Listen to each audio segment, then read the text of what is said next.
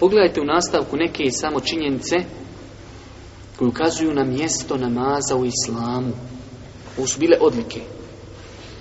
Vi znate svi da se ljudi na sudnjem danu, ne na dunjalku, na sudnjem danu dijele u tri kategorije. Muslimani, nevjernici i licemjeri. Licemjeri su oni ljudi koji vanjštinom govore da su muslimani i zato i mi uzimamo kao muslimane klanjamo im dženazu, od njih se ženimo, za njih udajemo svoju djecu, zato što ne piše čovjek na čelu licemjer. Kaže, ja sam musliman. Dobro. Na sudnjem danu ima i tri kategorije. Licemjeri, munafici znači, nevjernici muslimani.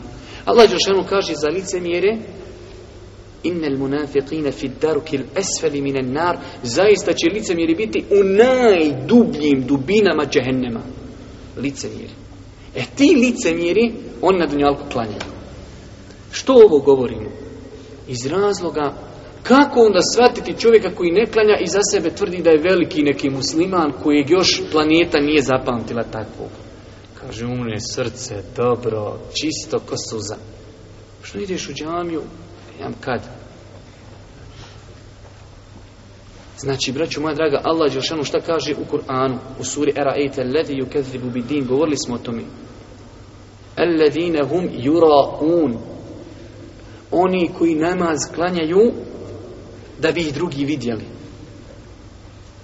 Wa وَإِذَا قَامُوا إِلَى الصَّلَاةِ قَامُوا كُسَالَ يُرَاءُونَ النَّاسِ وَلَا يَذْكُرُونَ اللَّهَ illa qalila. Govori Allah Đelšanu u licimirima pa kaže Oni kada ustaju da klanjaju, da klanjaju, oni klanjaju, kaže lijeno to čini.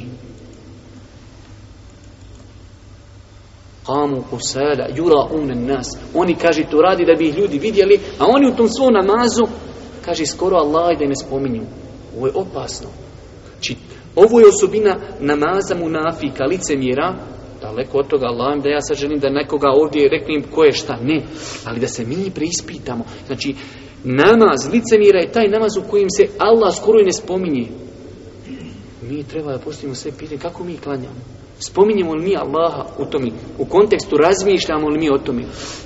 Čovjek kaže Allahu Ekber i počne kupiti sjeno, sam ga hođa probudi na selamke, eselamu alaikum, eselamu alaikum. On pokupio sjeno, on napravio kuću, on doprijemio gore sprat, on je potkovu rešnu, sve sredio, hođa ga probudio, selam alaikum, alaikum, selam.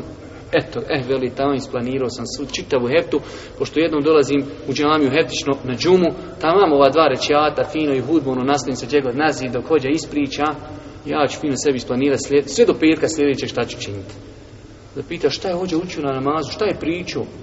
Nemam pojma kaj nešto je učio i nešto je pričao, šta li je pričao, ne znam, ja, ja sam bio zauzet nekim drugim stvarima. Kaže, vjerovatno ste i za tu predaju, koliko li vjerodostojne Bog zna, kaže, ljudi jednom klanjali namaz i poslije namaza ne mogu se nikako odgovoriti klanjali dva ili četiri rekiata. Kaže, jedni klanju je četiri, kaže drugi ne, dva. Kaže, jedan sto posto je dva klanju. Kažu, kako? Kaže, ja znam, ja svaki dan kad klanjam, ja, kaže, tim, ja, kaže, uniđem u autobus i vozim se u autobusu dol do svog radnog mjesta. Danas veli upo puta, hođa preda selam. Veli sto posto je hođa klanja dva rekata, jer veli još do kraja se treba voz dva rekata ima klanja. Ka ja svaki dan se vozim u autobusu, veli ja sve putem idem sa stanice i na stancu dole, kad dojem na poslu, hođa selam preda. Kažu, predo je, veli, selam prije vremena. I to je zaista tako. Također, braću moja draga,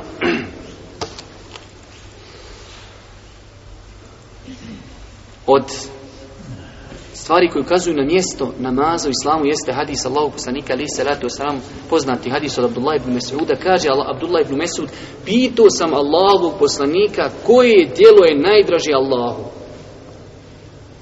kaže najdraži dijelo Allah subhanahu wa ta'ala je as-salatu ala waqtiha namaz u njegovom namaskom vremenu. Najdraži dijelo koje čovjek može uraditi jeste da klanja namaz u njegovom namaskom vremenu. Nakon toga koje je dobročinstvo roditeljima, nakon toga koji borba na Allahom putu. Također, s druge strane, braćo moja draga, ako pogledamo u nagrade koji su obećane za namaz, čovjek ne može da vjeruje. I to je ono što kažem, Nagrade se nama vraćaju. Pogledajte ovaj hadis, možda je velikom broju i nepoznat. Hadis, znači vi znate da je pravilo kod mene da ne spominjem osim hadise koji su vjerodostojni. Še Albani ovaj hadis ocjenio vjerodostojni Kaže Allah poslanik, kada čovjek dođe da klanja, donesu se njegovi grijesi. Sreća, pa ti grijesi, to je znači, hajde da kažemo, to su gajb stvari za nas. Da su oni kako mogu se vagati samo kakvom, bilo kakvom kilažom. To bi nas zalijepilo dole, svi mi sjedeći klanjali. Ali eto, Allahova milost je takva. Kaže, pa se donesu grijesi, stavi se na čovjekova ramena. Kaže, pa kad god ode na ruku i kad god se vrati sa rukoja, ode na seždu, kaže, ti grijesi spadaju sa njega što treba da si non stop u namazu, samo dole gore, ali to ne znači dole gore ko mi na teravi da nam ispadne što više ko jabuke i sepeta kad ih voziš konjskim kolima. Ne, polako na ruku pa na seždu da znaš šta si klanju. A što više ruku, a što više seždi da to spada sa tebe. Znači ne znači ovo, hajmo, trkanje koji će, ko će najbrže klanjati teraviju i rekord se drži. Ja ne znam ovdje koji je u Sarajevu rekord, 9 minuta, 20 rekiata. Znači, podijeli sa 20 rekiata, to znači malo manje od po minuti rekiat. Kako li izgleda taj rekiat, ja mislim da smo mi Turke pretekli, onaj Turčić što je pasio, su slomili ruku, mislim da, ja, mi, da mi vodimo u tome. U svakom slučaju, znači hadis koji ukazuje na veličinu ovog ibadeta svi mi imamo grijeha, svi bi voljeli da ih se riješimo. Pa evo prilike. U namazu čovjek znači onaj ima priliku da se riješi grijeha S druge strane, vi vidite kako mi imamo mogućnost po cijeli dan da se prljamo grijesima. Jer grijesi prljaju čovjeka, to je definitivno. Prljaju njegovo srce, izvor njegove snage. Boži poslanik kaže kada čovjek uradi grijeh, na njegovo srce se tačka jedna stavi. A u nas ti oni debeli flamasteri, pošto su veći grijesi, to ide začesti, crte, srce postane crno. E, ima mogućnost da čovjek to u toku dana peri. Kaže Allah poslanik jedne prilike sadma, šta mislite kada bi neko od vas imao pored kući rijeku u koju bi se kupao pet puta? Pa pet puta. Kad bi imao čovjeka koji se dnevno jednom kupa, kad bi bio najveći ođačar, on će biti čist, svaki dan se kupa. Zamisli pet puta se kupa. To volan rudar, bilo ko da se kupa pet puta čist mora biti.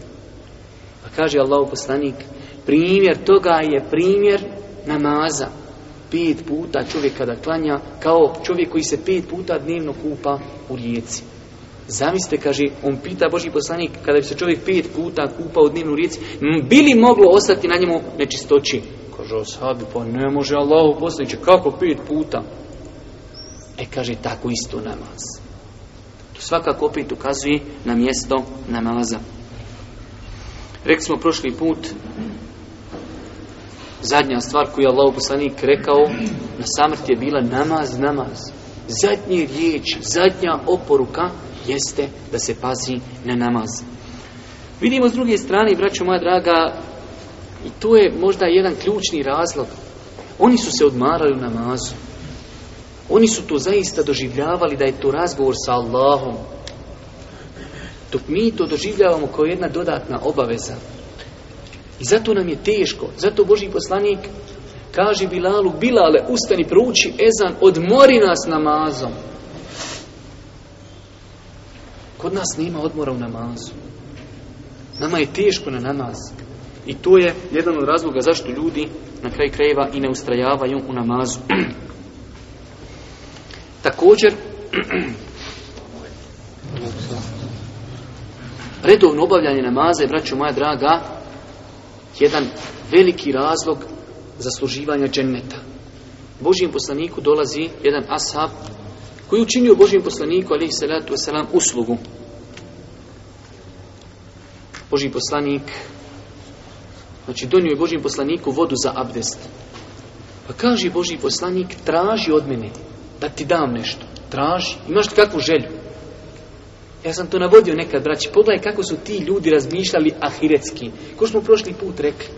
Kad su pitali onog jednog selefa, zašto su oni žudili za ahiretom? Zato što su svoj imetak tamo slali. I onda su žudili da se sretnu s tom nagradom. Isto tako, braću moja draga, i u ovom slučaju da Allah oprosti, možda bi se i meni to uklizno da mi dođe sad neko i da kaže ko neka čarobna vila, kaže meni, hajde traži nešto šta će da ti dati Pa nešto bi ja lupio, ali bilo bi dunjalučki, da li bi to bilo auto, da li bi to bilo brod, da li to bila firma, da li to bio avion, nešto bi mi lupilo dunjalučki.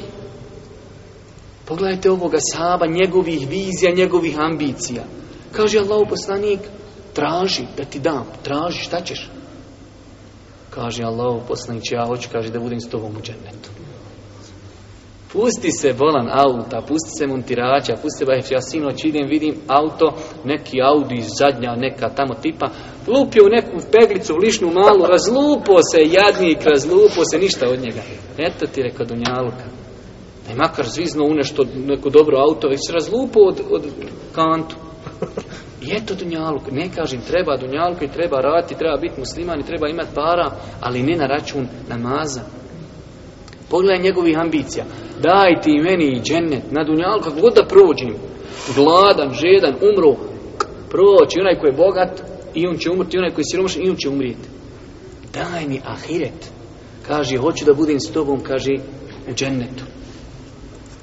Pogledaj poslanika. Ko što, mi se neki dan svidio jedan brat, kaže, subhanallah, čovjek kada bi ga ovako vi vidjeli vanjštinom, vi bi rekli, ovaj nikad u džennet neće. A ima čerkicu pokrivena. I kaže, ona ode u školu tamo vamo, dijete, ja znam, znači tu porodcu dobro i poznajem, mašala, zaista dobra porodca, Ali on, iako čovjek još redovno ne klanja, kaže svom djetetu, ako ćeš praviti aferime u školi, nije ići s mahramom. Skini mahramu i ne možeš tako ići u školu. Ako ćeš biti pod mahramom, moraš biti najbolja u školi. U svemu. Ako hoćeš biti mafijaš, skini mahramu i onda budi šta hoćeš. Kaže, pa sam ja zaprijetio kćerci, ako veli se nastaviš tako ponašat, ideš bez mahrame u školu. Ja njemu kažem, preko pa znaš što je, pa čestoke su to prijetni. Nije, kaže, ja hoću da vidim samo je ona čvrsta. Hoće li ona da rekne, po to koji tako ja ću nju skinut, veli. Ili će reći, ne, ne da mahrami ni pošto. Pogledaj kako čovjek ispituje dijete. i ovdje Boži poslanik kaže njemu da ništa drugo slučajno, veli, da nije mu se slučajno kliznilo pa će doći mu šeki, pa da mu rekne, pa treba, vala, nešto drugo. Kaže, da, siguran da to hoćeš. Kaže, siguran sam, sam to. Kaže, a inni, ala nefsike bi kethati suđudu. E onda kaže, pomozi ti meni da to postigneš tako što ćeš mnogo sežde činiti. Aludira se da ćeš mnogo klanjati. ćeš mnogo sežde činiti. Znači, iz ovoga vidimo, znači, ko hoće u džennet i hoće da bude nekim deređama blizu Božih poslanika, onda je namaz ispravan put. Zato kažem, braću moja draga, je čudno je to stanje ljudi, kako ne razmišljaju. Imamo mi jedan problem ovdje u Bosni, ja sam spomnio njega dosta puta kroz predavanja i treba ga opet napomenuti. To je, ja sam dosta puta, evo ovdje, hvala Bogu, nema te novotarije, negdje gdje sam ja prija poradio, imate novotariju da kad neko umre, popnu se ljudi na, na munaru ili sjede dole sa mikrofonom i uči takozvanu salu. Ja kažem, to je novotarija definitivno, ali da makar tu novotariju proučite na bosanskom. Kako tamo to, kako je fino značenje tih riječi koji se uči? Da znate, svi ćete napustiti to tovo, svi ćete napustiti dunjalu, kvalja vam umrije, tovo, ali na arapskom. On gore uči, ovi dole hodaju, šaluje se, ko da ništa nije rekao. Tako, problem kod nas normalno ezan se ne može učiti osim na arapskom, a ljudi ne znaju. Gore mu ezin viče, hajjal asala, sala, el felah, on jadnik, im u krajnici koliko gava mi, dođite na spas, dođi na, ovo ti je spas, nije spas, niđe drugo osim ovdje. Spašavaj se, šta me briga, nemam kad. Ljudi ne razumiju šta znači. Pogledajte Allahovog hikmeta i mudrosti. Svaki dan, pet puta, on tebi jasno viće, dođi na spas, ovo je spas. Čovjek kaj kupim sjeno, misli da je tu spas, ne spasi u džami, klanjaj, popi, sinu. Ljudi ne razmišljaju šta li je veli uči u jezi, nikad u životu njemu nije palo na pamet šta li je prevod tog jezana. Dođi na namaz, dođi na spas. I zato je bilo, ko što danas Efendija Moderi spominje, tako je bilo Selefa, koji kad su bili bolesni, kad čuje hajja ala salat, dođite namaz, dođite na spas, bolestan, ne može, kaže djeci, nosite me u džamiju, ja ne mogu ići, nosite me i kaže, kako da čujem riječi Allahovog mujezina koji kaže, dođi na spas, ja kaže, kod kući. Nosite me, kaže, tam i znalo se desi da takvi preseli na seždi u džamiju, Bošnji zoveš, dođi na spas, ne, neka je meni je spas u diskoteki, samo me tamo pusti i to je meni spas. Tu su sve moje brige prošle. Muezin, nekom spašava koga hoće. Znači, to je problem, braću moja draga, što ljudi ne razumiju arapski jezik. Ljudi ne razumiju šta im se govori. Treba o tome govoriti ljudima, prevoditi im to. Ne prevoditi ezan, već kad su u džami, kazati im, kad dođu na najedu, na najbajram, kad dođu reći im, znate li šta onaj ezin viče vama svaki dan? Znate li? Kaže vam dođite na spas, u tome je spas. S druge strane, ovaj ibadet, pogotovo kad su u pitanju muškarci, propisano je da se klanja u džematu, da se ljudi viđaju, da se okupljaju, da se konsultuju. Kad vidiš čovjek dolazi u džamiju tri dana, ga nema, da se zapitaš, je li je taj moj brat musliman, možda je bolestan. Ovako kad svak, svak klanja kod kući, može biti čovjek prvi komče, ti nemaš pojma gdje je. Ali ti kad dođeš u džamiju, danas klanju, sutra klanju, prekustra ga nema. Drugi dan ga je? Da nije umro. Vidio, zato se zapadnjacima desi čovjek, penzionir, neki umro, nakon mjesec i pol ga nađu, pojle ga već veći baje i životinje, što ne zna niko za njeg. Da išu u džami, da je klanjao u komševima, preko nema ovoga u, u, safu, ajmo vidi šta je sa njim. I tako, znači propisano je muškarcima da se namaz obavlja u džematu zbog opet koristi koja se vraća njima.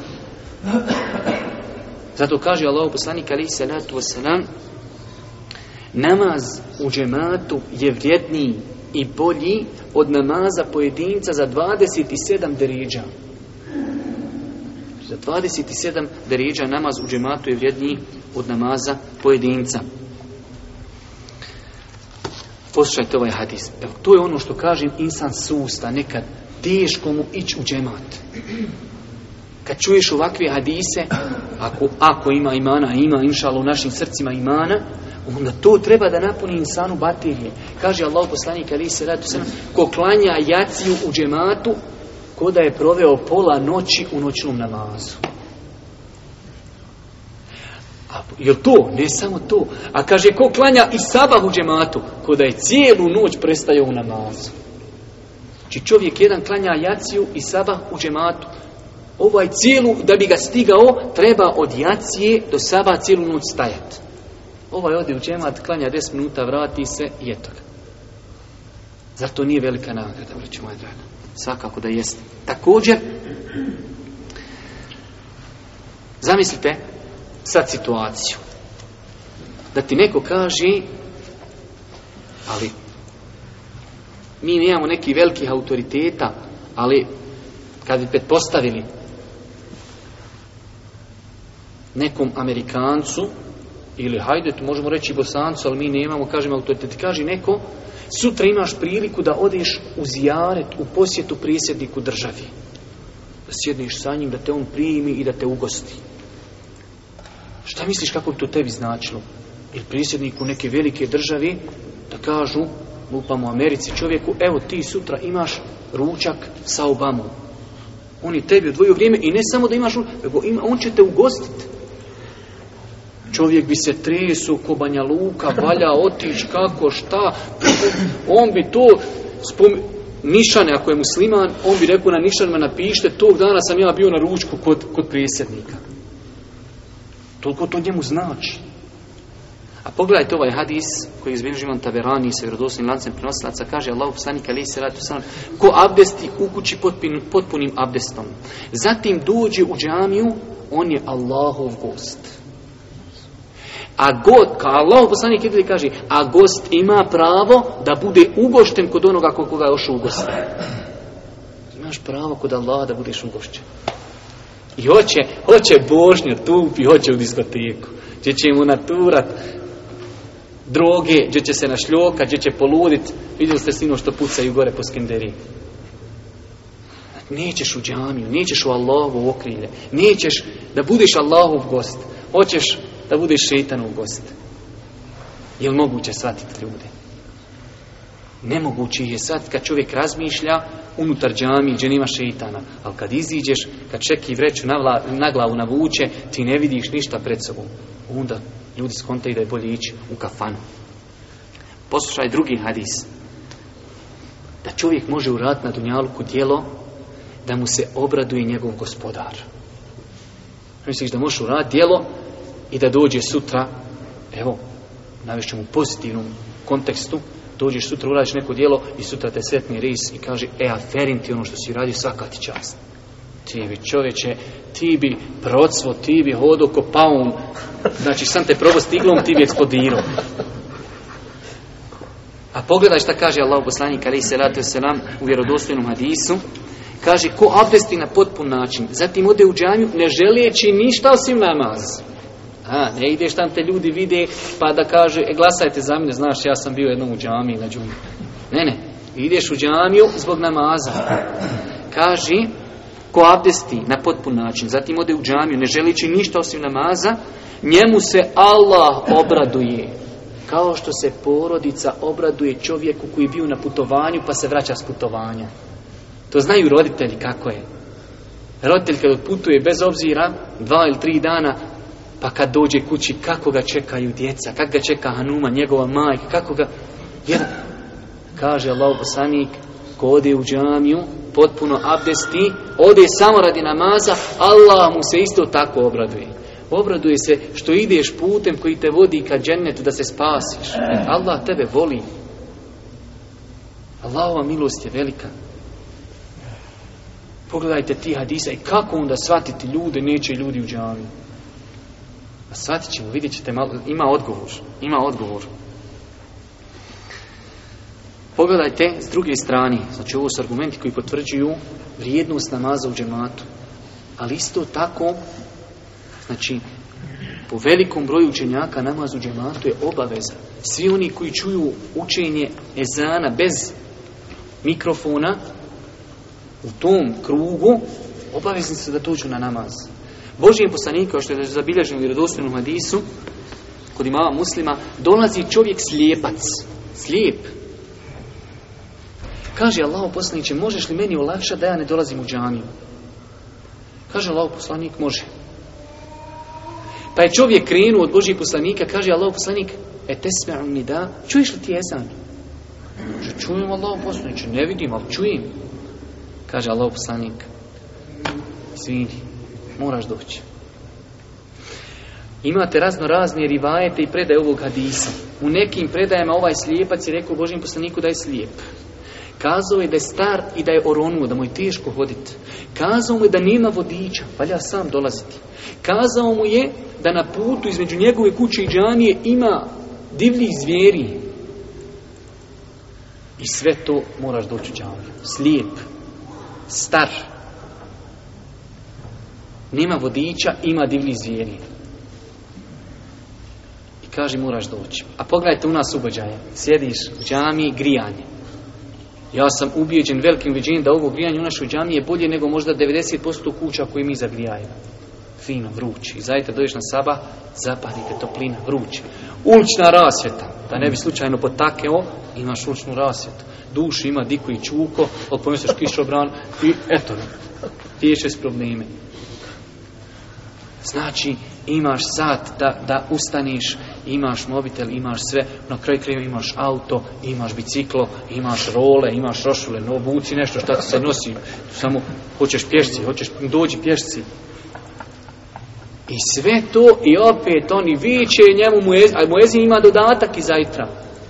Es salatu hajru minen bolje ti je bošno klanjati, nek spavat. Ne, ne, ne, znam ja veli šta je meni bolje, bolje je spavat, mamu ezine pustiti, bolan to, beri baje. On liče i to dva put mu ponikaj, bolje je bolan klanjat, nek spavat, haj klanjaj.